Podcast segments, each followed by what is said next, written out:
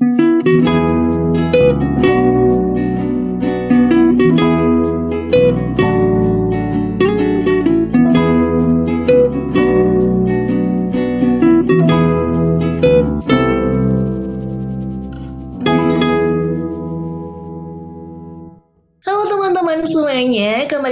Dengan podcast Sound Story, sebuah cerita yang menginspirasi. Bertemu lagi dengan aku Anggi, dan seperti biasanya kita bakal mengulik sesuatu hal yang menarik dengan gestar yang seru juga pastinya. Tapi sebelum kita ngobrol-ngobrol lebih lanjut di episode kali ini, buat kalian nih yang pengen berpodcast juga kayak aku, kalian bisa banget download aplikasi yang namanya Anchor. Aplikasi yang aku pakai untuk bikin dan publish show ini gampang banget digunain dan 100% gratis. Selain gampang banget digunain, semua yang kita perluin untuk bikin bikin podcast udah tersedia di dalam Anchor, termasuk editing, recording, nambahin bumper dan closing, dan distribusi ke Spotify dan platform podcast lainnya. Yuk, tunggu apa lagi? Download aplikasi Anchor dan bikin podcast kamu segera. Nah, di episode kali ini kita bakal ngebahas nih tentang suka dukanya founder community. Gimana nih struggle-nya, gimana cara survive dalam berkomunitas, dan lain sebagainya tentang komunitas pastinya.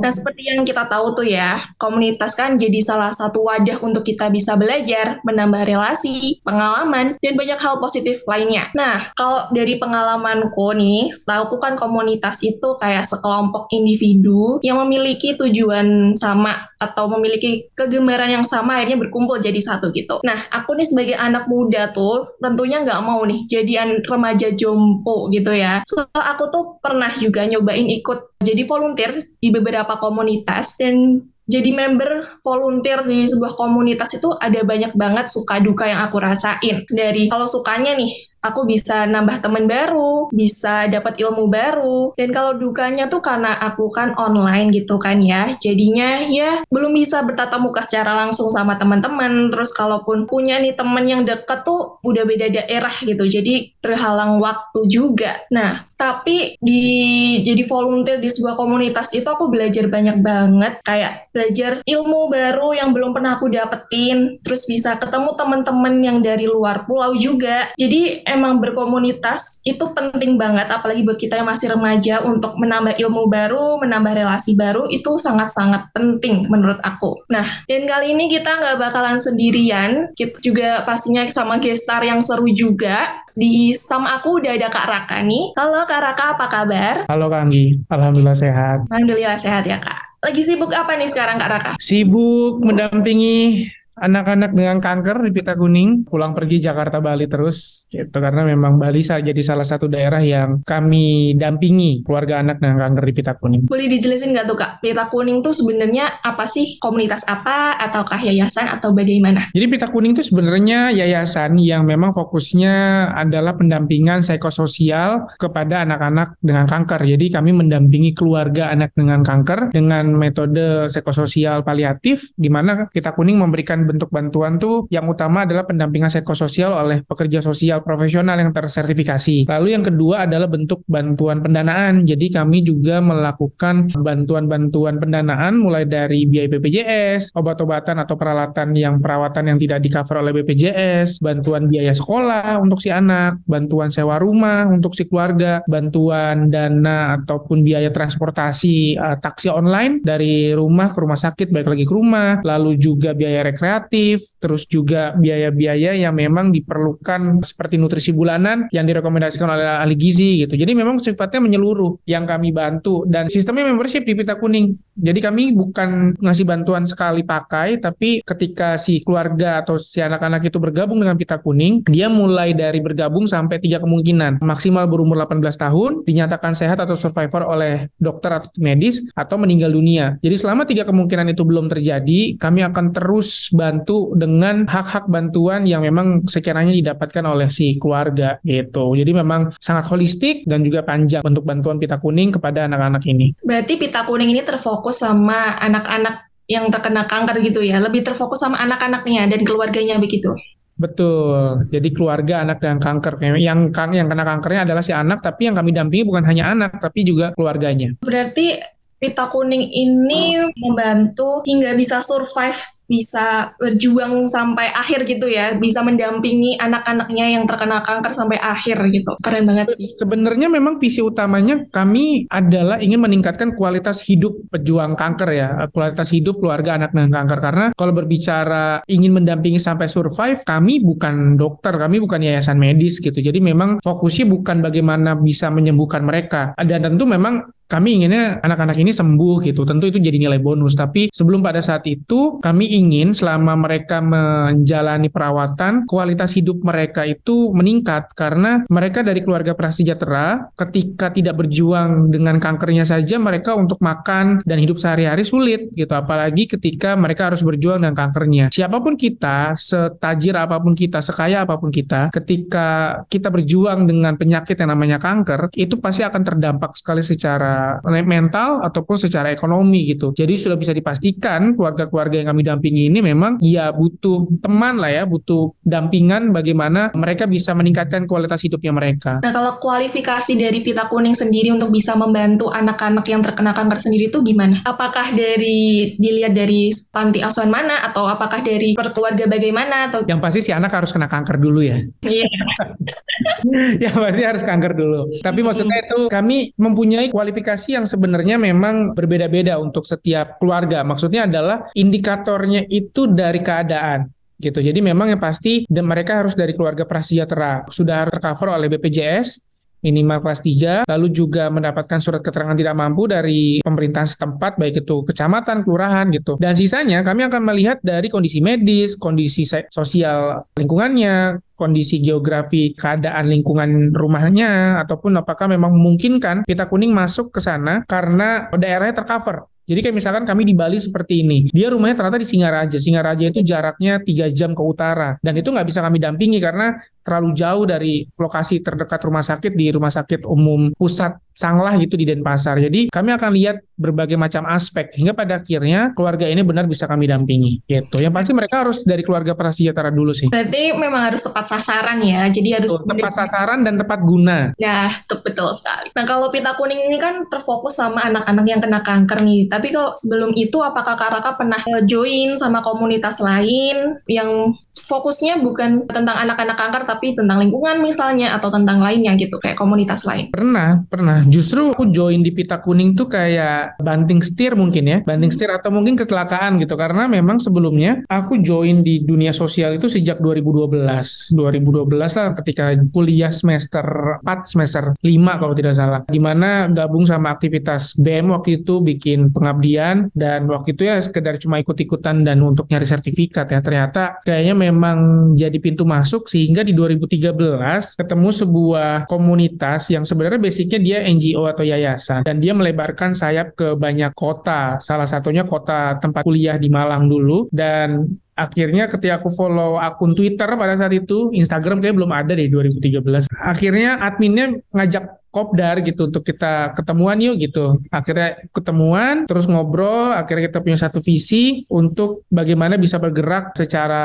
sosial politik di Kota Malang pada saat itu. Akhirnya berdua belas kami, termasuk aku pada saat itu, kayak dinyatakan sebagai ya udah deh kita pendirinya nih kita bikin dasar-dasar gerakannya seperti apa gitu. Dan ternyata itu jadi pintu masuk ke banyak kesempatan baik lah ya buatku pribadi karena sejak saat itu sampai hari ini aku sih masih bisa bilang bahwa aku masih konsisten untuk berada di dunia sosial karena pasca aku kuliah di 2015 aku lulus terus pulang ke Jakarta aku terus kerja kantoran. Bahkan after office pun baik itu weekdays ataupun weekend aku masih konsisten dan komitmen untuk bisa beraktivitas sosial gitu terutama di ranah pendidikan. Karena aku uh, sesuka itu dengan dengan isu isu pendidikan. Jadi di 2014 di komunitas tersebut aku bikin sebuah project namanya Ruang Sinau. Jadi pada saat itu aku dan seorang teman main di sebuah kota di, di Batu kalau misalkan Kak Anggi tahu di Jawa Timur ketemu sebuah sekolah yang nggak ada gurunya sama sekali. Jadi gedungnya bagus beton ada buku ada siswa tapi nggak ada guru. Sama sekali nggak ada guru. Hanya ada satu kepala sekolah, yaitu satu kepala sekolah perempuan dan juga suaminya yang merangkap sebagai tukang kebun di situ. Jadi agak miris aja kita selalu dengar sekolah nggak ada bangunan gitu, tapi ada tenaga pengajar. Tapi ini ada bangunan tapi nggak ada guru ya. Gimana bisa dinyatakan menjadi sebuah sekolah? Nah akhirnya dengan terlihat sebuah masalah tersebut, ya aku bikin sebuah project namanya Ruang Sinau. Ngajak teman-teman di kota di Malang untuk kita bisa ngajar nih bareng-bareng di Kota Batu dan itu konsisten dilakukan selama satu tahun. Jadi setiap hari dari Senin sampai Sabtu aku ngumpulin teman-teman lewat sosial media di Twitter untuk bisa mereka jadi relawan. Dan akhirnya terkumpul pada saat itu inget 17 orang. Dan rata-rata tuh dari salah satu perguruan tinggi penghasil guru lah di Kota Malang. Dan selama satu tahun kami bergiliran piket untuk mengajar. Pada saat itu belum belum ada nama proyeknya bahkan. Jadi belum ada nama proyeknya dan tujuannya adalah untuk membantu akselerasi pembelajaran anak-anak pada saat itu di sekolah tersebut. Dan alhamdulillahnya bahagianya adalah anak-anak bisa lulus dengan nilai yang baik gitu karena dari kelas 1 sampai kelas 6 itu sama sekali gak ada guru dan kelas 6 itu terancam nggak lulus SD. Jadi kami ngajar dan akhirnya kelas 6 bisa lulus dan kelas 1 sampai kelas 5 bisa naik dengan nilai yang bagus lah gitu. Dan akhirnya itu diteruskan sama junior-junior kami sampai sekarang gitu. Itu proyeknya masih ada sampai sekarang di Malang. Jadi sekarang udah jalan 9 tahun proyek tersebut dan mungkin sudah mengcover bukan hanya satu sekolah gitu. Udah banyak sekolah di kota Malang dan juga kota Batu gitu. Dan sejak saat itu ke mana pun aku pergi aku pasti akan selalu cari isu pendidikan di kota tersebut gitu. Yang pada akhirnya bikin aku waktu itu pernah di Lombok di Nusa Tenggara Barat nah, bikin namanya Selasar Didik. Ketemu dengan sekolah yang sama. Nggak ada guru tapi ada muridnya banyak. Akhirnya ngajak teman-teman semuanya ke beberapa komunitas untuk bikin jadwal piket ngajar di sekolah tersebut. Akhirnya selesai ngajar jalan 6 bulan. Kayaknya asik nih kita terusin jadi sebuah aktivitas akhirnya bikin namanya komunitas Selasar Didik gitu. Hingga akhirnya puncaknya di tahun berapa ya? Aku di 2015 2015 atau 2016 aku diundang ke Kemendikbud sama waktu itu menterinya Pak Anies Baswedan untuk audiensi dengan teman-teman komunitas yang lain gitu. Ngomongin soal pendidikan di pelosok Nusantara lah gitu. dan akhirnya memang karena hal tersebut yang pada akhirnya memang aku tuh cinta banget sama dunia sosial khususnya dunia pendidikan gitu ya. Ya pada akhirnya di 2000 berapa? 2018 balik ke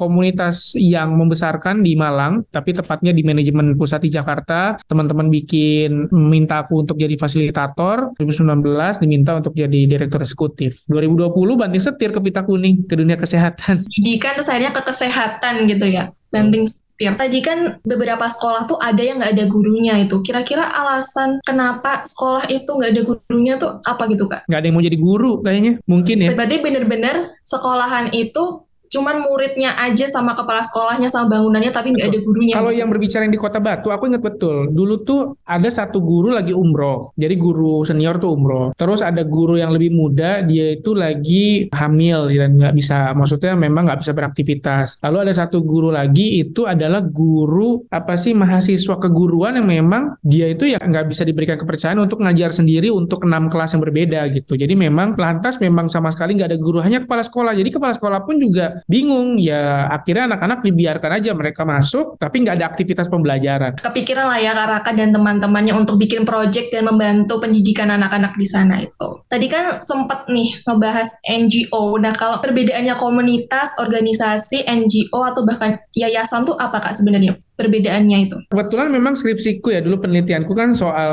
komunitas relawan ya.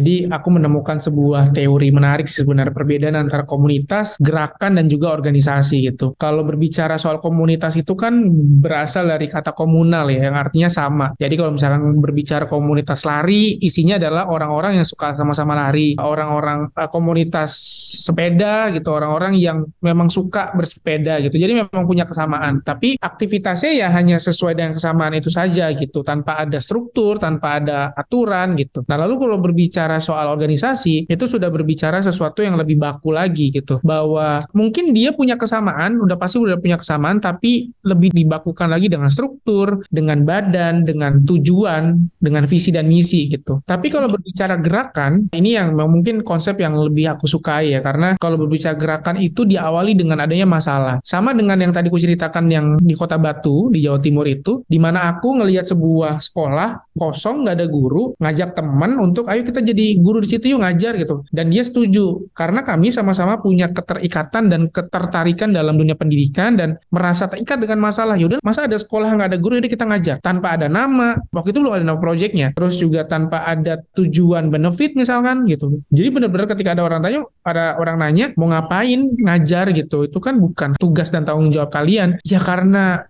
ya lu pikir aja gila ada sekolah tapi ada murid banyak gak ada guru. Gimana bisa dinamakan sebuah sekolah gitu kan? Itulah gerakan. Di mana ada masalah orang gerak sehingga ketika sedang bergerak baru disadari kayaknya kita butuh nama deh kita butuh struktur ya pada akhirnya dari gerakan bertransformasi menjadi sebuah organisasi nah kalau berbicara soal NGO atau yayasan itu lebih the next level lagi di mana itu adalah secara administratif lebih ini ya mungkin lebih rapi karena berbicara yayasan kan ya. daftar di Kemenkumham di Kementerian Hukum dan HAM lalu juga secara keuangan juga diawasi harus diaudit lalu juga secara visi dan secara misi juga jauh lebih besar gitu. Jadi mungkin kalau dilihat di tahapnya dilihat dari level bawah dari level grassroots bisa dimulai dari komunitas dan juga gerakan. Step selanjutnya adalah organisasi, step selanjutnya adalah NGO atau yayasan gitu. Jadi NGO tuh lebih terstruktur dan terorganisir gitu ya di atas. Oh, betul dan kompleks ya karena kalau berbicara NGO itu sudah seperti bikin perusahaan lah ya. Tinggal komunitas kayak cuman ya kumpulan kita berkumpul gitu dengan kegemaran yang kita suka. Betul. Sebelum terjun ke Pita Kuning nih, udah pernah ada komunitas lain nggak sih kak? Ikut jadi membernya, jadi volunteernya, atau malah bahkan jadi founder sebuah komunitas? Ya itu tadi yang founder di Malang itu ya, aku nyebut aja lah namanya turun tangan Malang. Terus balik-balik ke Jakarta rumahku di Tangerang ya bikin turun tangan Tangerang terus sempat penempatan di Cirebon bikin turun tangan Cirebon dan turun tangan Kuningan kan dekat ya Jawa Barat. Tapi selain di turun tangan pun juga aku beberapa kali bikin bukan komunitas ya aku nyebutnya mungkin project ya. Kayak uh, Selasar Didik waktu itu pernah bikin di dua kota Jakarta dan juga Mataram di mana sama isunya pendidikan gitu di mana membantu teman-teman untuk bisa menghubungkan antara sekolah dengan guru-guru berkualitas. Lalu juga pernah bikin project waktu itu di Maluku Tengah. Sebenarnya nggak ada nama projectnya jadi benar-benar inisiatif project sosial aja di mana mendistribusikan buku dari kota Ambon ke Gunung Binaya. Gunung Binaya itu adalah gunung di Maluku Tengah di Pulau Seram. Jadi jaraknya itu kalau dari kota Ambon itu harus satu jam ke Pelabuhan Tulehu dari Pelabuhan Tulehu ke Pelabuhan Inamasohi itu sekitar dua jam naik speedboat lalu dari Pelabuhan Inamarina ke kaki gunung itu sekitar 4 sampai 5 jam naik kendaraan roda 4 gitu. Jadi memang di situ ada sebuah desa nggak ada sekolah anak-anak juga buta huruf akhirnya bantu teman-teman di sana untuk mendistribusikan buku-buku bantuan seperti itu. Jadi sebenarnya ini bukan soal di mana aku dan di mana kita berkomunitas lebih ke gimana aku ngelihat sebuah masalah dan apa yang bisa aku lakukan di sana gitu. Karena anak-anak sekarang ya cenderung melihat ada masalah yaudah kita komunitas yuk kita bikin komunitas gitu. Tapi nggak tahu mau ngelakuin apa. Sedangkan kalau aku ya lebih cenderung ketika ada masalah ya udah kita do something urusan nama urusan struktur itu belakangan. Karena kan masalah nggak bisa nunggu. Harus segera diselesaikan gitu. Gitu. Jadi memang modelnya lebih ke inisiatif project gitu. Bahkan banyak sekali project-project yang aku inisiasi itu bahkan belum ada nama. Sampai selesai pun belum ada nama gitu. Karena memang yang penting bergerak kita selesaikan masalah. Kalau memang mau dilanjutkan ya udah ayo kita lanjutkan dengan nama dan struktur yang lebih rapi. Ketika karena kamu melihat sebuah masalah yang penting itu tuh gerak dulu masalah struktur masalah apanya tuh belakangan. Yang kita gerak dulu ada teman-temannya ada yang bantuin juga. Akhirnya barulah kalau mau berkembang jadilah sebuah komunitas gitu ya kak Dulu begitu ya, tapi kalau sekarang ya, dulu kan namanya anak muda masih berapi-api ya, idealismenya masih tinggi. Kalau sekarang itu lebih berhati-hati sih, lebih ke ketika lihat masalah, oke okay, stop dulu, apa yang bisa dilakukan, dicoret-coret dulu, lalu coba direfleksikan berdasarkan pengalaman-pengalaman yang lama, lalu coba di breakdown apa yang benar-benar bisa dilakukan dengan modal terkecil dengan dampak terbesar gitu. Jadi apa yang dilakukan tuh jadi nggak buang-buang waktu dan nggak buang-buang energi gitu. Karena sayang sekali ketika memang memang punya inisiatif baik dan inisiatif bagus, tapi tidak didasari dengan rencana-rencana yang matang. Ya, itu itu hasil belajar dari kegagalan-kegagalan seorang Raka di masa dulu ya. Jadi dulu gerak, terus asal-asalan, oke okay lah masalahnya mungkin selesai, tapi pasti dia menimbulkan masalah yang lain gitu. Jadi sekarang lebih berhati-hati dulu, coba ngerem, di breakdown sedikit, baru kita bikin rencana yang lebih matang, pada akhirnya impact-nya juga jadi lebih besar. Kan Kak Raka bilang nih dulu pernah buat sebuah kegagalan gitu ya, ya di project-project sebelumnya. Nah dari kegagalan-kegagalan itu, ada nggak sih pelajaran yang penting banget yang Kak Raka ambil gitu, dan akhirnya bisa direfleksikan menjadi lebih baik lagi? Pelajaran yang paling ini ya, yang aku pegang sampai sekarang adalah jadi orang baik di negara ini itu susah. Hmm, bener. itu kan bener. Jadi orang baik di negara ini itu susah karena kita mau berbuat baik aja harus mikirin perasaan orang lain. Kita Betul. mau berbuat baik saja harus berpikir apa dampaknya bagi diri kita dan juga diri orang lain. Kita mau berbuat baik saja kita harus berpikir kira-kira apa pengorbanan yang akan kita lakukan untuk diri kita ataupun orang lain. Jadi banyak sebenarnya yang jadi pertimbangan gitu. Karena karena gini ya, kalau aku sekarang melihat bahwa banyak sekali sebuah gerakan fokusnya itu bukan menyelesaikan masalah tapi mengkapitalisasi masalah. Bedanya itu adalah kalau sebuah wadah hadir itu seharusnya idealnya adalah untuk kita ingin benar-benar masalah itu selesai dan kita ini bubar, sebuah badan ini bubar gitu. Nah, kalau kayak sekarang di Pita Kuning ya, ke Pita Kuning ini kan mendampingi anak-anak kanker yang keluarga dari keluarga prasejahtera. Harapan kami adalah yang namanya visi meningkatkan kualitas hidup anak-anak dengan kanker. Kalau misalkan kualitas hidupnya mereka sudah membaik, Pita Kuning nggak perlu ada dong. Mhm. Dan seharusnya itu yang terjadi. Nah, tapi sekarang yang terjadi ya sering sekali mendapati bahwa bagaimana mereka tetap ingin masalahnya tetap ada sehingga badannya tetap eksis. Ya akhirnya kan pada akhirnya jadi mengkapitalisasi sebuah masalah gitu dan itu kasihan sih untuk subjek penerima manfaatnya jadi jadi korban, jadi korban utama. Makanya aku bilang menjadi orang baik di negeri ini tuh sulit sekali. Sulit sekali. Sangat susah betul sekali. Karena mau berbuat baik, mau melakukan sebuah kebaikan aja itu kita harus mikir dulu gitu, mikir orang lain, segala sesuatunya agar bisa tepat. Jadi kebaikan kita tuh nggak disalahgunain gitu loh. Exactly, betul banget. Caranya Kak Raka buat ngajak atau menggait teman-teman tuh biar bisa ngelakuin project bareng-bareng tuh gimana tuh Kak? Kalau untuk yang pertama sih aku biasanya kalau dulu sih sulit sekali ya. Di awal-awal aku gerak tuh sulit sekali karena mungkin secara kredibilitas aku belum punya nama gitu ya. Tapi kalau makin ke sini ketika memang aku punya beberapa rekan dan juga punya jaring gitu ketika nyari orang jadi akan lebih mudah gitu. Dan jadi lebih percaya karena oh yang bikin projectnya Mas Raka gitu. Dia udah pernah bikin beberapa project dan punya portofolio yang baik gitu. Jadi aku sih nggak pernah memakai sebuah atau seseorang atau sekelompok orang untuk bisa bertahan di sebuah gerakan. Enggak karena itu adalah panggilan hati. Jadi yang bisa aku lakukan adalah terus bergerak sehingga orang melihat bahwa mereka ingin berada gerakan, gerakan tersebut gitu. Itu. Jadi ada orang yang gabung hanya sebagai batu loncatan tuh ada, ada yang gabung hanya untuk eksis tuh ada. Terlepas dari apa pun kepentingan yang mereka inginkan, buatku sih fokusku adalah bagaimana kompetensi mereka bisa berguna di gerakan ini, di sebuah proyek ini gitu. Yang selama mereka masih ada di proyek ini ya kita manfaatkan semaksimal mungkin gitu. Hingga pada akhirnya proyeknya besar, komunitasnya besar sehingga orang bisa lebih merasa berharga untuk berada di komunitas ini gitu. Jadi sebenarnya mulai aja dulu gerak aja dulu sehingga orang itu bisa melihat gerakan ini sebagai sebuah gerakan yang keren, sebuah gerakan yang oke okay, gitu. Itu juga yang terjadi sama Pita Kuning. Dulu ketika pertama kali aku join di Pita Kuning, timnya itu hanya 8 orang sama aku sebagai seorang ketua yayasan. Ketika buka rekrutmen, sulit sekali kami cari kandidat untuk mereka bisa join secara profesional, bahkan digaji. Di Pita Kuning sulit karena secara isu juga nggak mewah, isu kanker pada anak. Yang kedua, secara kapasitas organisasi pun juga namanya nggak begitu besar. Sehingga yang aku lakukan adalah buat banyak sekali aktivitas yang menarik, yang berhubungan dengan pop culture, yang berhubungan dengan anak-anak muda, yang segmented sekali gitu. Sehingga publik melihatnya pita kuning keren nih gitu. Sehingga mereka punya bergening gengsi yang besar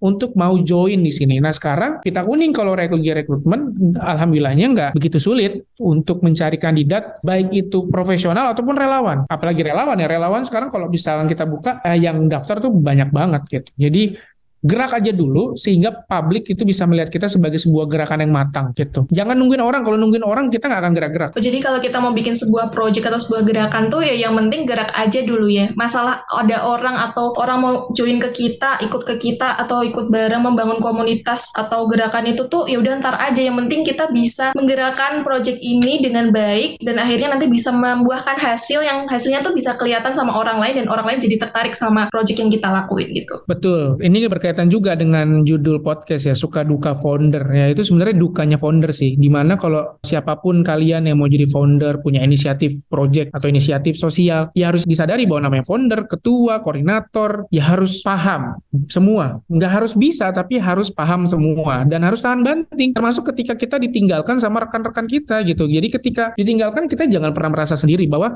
resikonya menjadi seorang pemimpin itu adalah kesepian. Udah titik. Jadi itu adalah konsekuensi logis yang harus teman-teman pahami gitu. Terutama mau jadi founder kalau lu mau jadi sebuah founder ya harus siap dengan segala konsekuensi termasuk adalah konsekuensi lu akan berjuang sendirian lu harus paham semua sendirian lu harus bisa semua sendirian gitu. Jadi yes. jangan cuma dipikirin sukanya doang bahwa eh founder apa gitu keren. Enggak sulit untuk mencapai ke sana itu. Apalagi menanggung beban dari kata founder sendiri itu aja udah susah gitu ya kak? Ya makanya sekarang aku nggak habis pikir banyak banget orang yang suka banget pakai kata founder. Aku ngeri kalau aku sendiri ya. Founder apa tuh? Ngeri banget gitu. Berarti emang kata founder itu bukan sebuah kata yang main-main ya, harus dipertanggungjawabkan juga apa hasil kerjanya dia tuh apa gitu. Betul. Kan Kak Raka nih pastinya udah banyak banget ketemu sama orang-orang baru kan ya, kan ikut komunitas sana sini, bikin gerakan sana sini, ketemu banyak orang. Nah cara Kak Raka untuk beradaptasi sama orang-orang yang pergi dan berlalu gitu tuh gimana yang datang dan pergi gitu. Cara terbaik adalah dengan tidak peduli. Hmm. Serius. Cara terbaik adalah dengan tidak peduli karena semakin kita peduli, semakin semakin besar potensi kita sakit hati dengan orang terutama yang pergi. Sebagai masyarakat ketimuran yang identik dengan norma-norma yang lengket ya, norma-norma sosial yang hangat gitu. Kita tuh cenderung mudah sakit hati dengan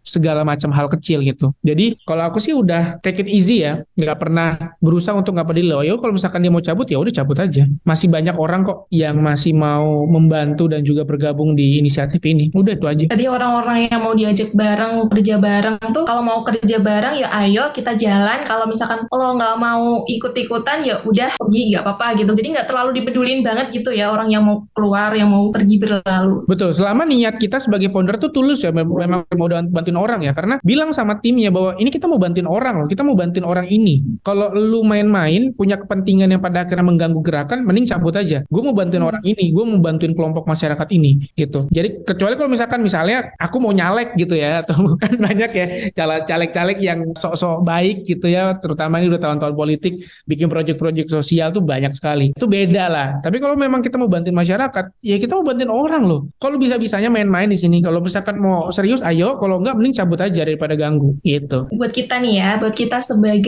seseorang yang pengen juga terjun di sebuah gerakan gitu, harus fokus terfokus sama tujuannya gitu. Jadi tujuannya apa ya kita nggak boleh main-main dan harus selesaiin sampai akhir ada nggak nih saran dari Kak Raka buat teman-teman yang pengen juga survive ke dalam sebuah gerakan atau sebuah komunitas gitu? Saran yang pertama sebenarnya yang paling awal dan utama adalah tentukan kamu isunya tertarik di bidang apa. Jadi kan isu sosial ini begitu luas ya. Tentukan pilih salah satu aja dan jangan kaget ketika seiring berjalannya waktu dan seiring berjalannya bertumbuh bahwa isunya pada akhirnya pindah gitu. Kayak sekarang kalau berbicara soal isu sosial, aku tetap konsisten dan komitmen di isu pendidikan gitu. Tapi kalau berbicara pertumbuhan, sekarang peranku menjalankan peran manajerial di mana aku bisa adjust dengan berbagai macam yayasan ataupun komunitas apa pun isunya tapi berbicara dari sisi manajerial gitu bagaimana bikin manajemen komunitasnya bagus bagaimana bisa mendapatkan funding bagaimana bisa menjalankan sebuah model bisnis sosial itu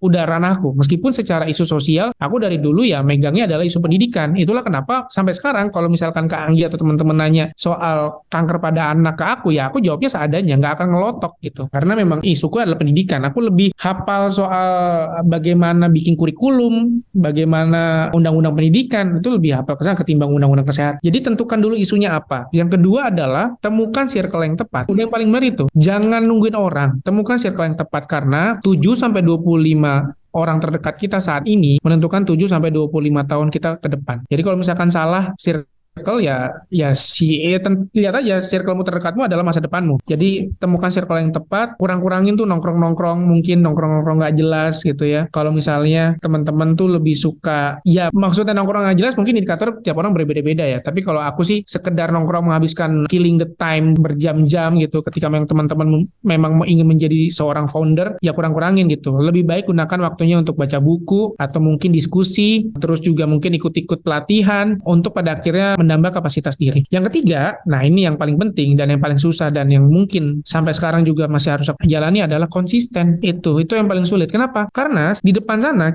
kita akan tahu bahwa kita nggak akan berhadapan dengan jalan-jalan yang baik, kita akan berhadapan dengan jalan-jalan yang terjal. Kita akan gagal, kita akan sering ditolak orang, kita akan sering dicaci orang, kita akan sering dimaki orang, kita akan banyak gak disukai orang. Kalau kita nggak konsisten dan komitmen, kita nggak akan berhasil sampai ke sana. Nah, sisanya yang terakhir adalah disiplin. Kalau sudah konsisten ditambah dengan disiplin, udah pasti tinggal nunggu bagaimana teman-teman tuh bisa punya peran dan portofolio yang baik di isu tersebut sih. Dan sadar bahwa perjalanannya nggak sedikit gitu. Mungkin teman-teman mendengar ini kayak terkesannya mewah gitu. Enggak. Ini aku ngomong ini hasil dari 10 tahun bahkan. Ini 2023. Aku mulai 2012. Jadi aku jalan tuh udah 10-11 tahun ke belakang untuk berada di dunia sosial. Sehingga bisa ngomong yang mungkin terdengar mewah atau terdengar utopis gitu ya. Buat teman-teman, tapi ya pada faktanya seperti itu. Jadi kalau baru mau mulai nggak ada salahnya mulai sekarang nggak ada kata-kata terlambat karena negara masih butuh banyak orang baik serius. Jadi tidak ada salahnya untuk menjadi orang baik dan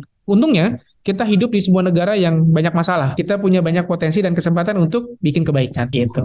Dari kan kita tuh harus konsisten ya Kak kalau misalkan bikin gerakan. Nah, cara biar kita bisa konsisten, bisa mencapai tujuan, bisa sampai akhir itu tuh gimana gitu Kak? Karena kan kebanyakan anak-anak zaman sekarang itu tuh dia cuman ikut-ikutan aja dulu. Terus tapi nanti di pertengahan malas-malasan eh akhirnya nggak jalan deh itu gerakannya. Tanya dulu sama diri kalian maunya apa, diri kamu maunya apa. Sebenarnya tanya itu dulu. Banyak orang yang yang nggak tahu gitu dirinya sebenarnya mau, maunya apa gitu. Makanya kalau aku di, di, di tim kalau lagi lagi ngerekrut orang, kalau lagi lagi interview aku selalu nanya lima tahun ke depan kamu membayangkan diri kamu sebagai apa. Aku pasti selalu tanya kayak gitu. Biasanya kalau nggak jawabannya ngawang atau mungkin orang ini terkesan nggak punya masa depan gitu ya nggak punya masa depan tuh artinya dia bahkan nggak tahu dia masa depan dia seperti apa ya agak susah kita akan gerak dengan orang yang gitu-gitu aja makanya tanya dulu karena karena aku ada di posisi ini pun juga hasil dari karena aku tahu aku maunya apa dan aku konsisten di sana. Dulu aku karir pertama aku jadi seorang sales empat tahun di di sana.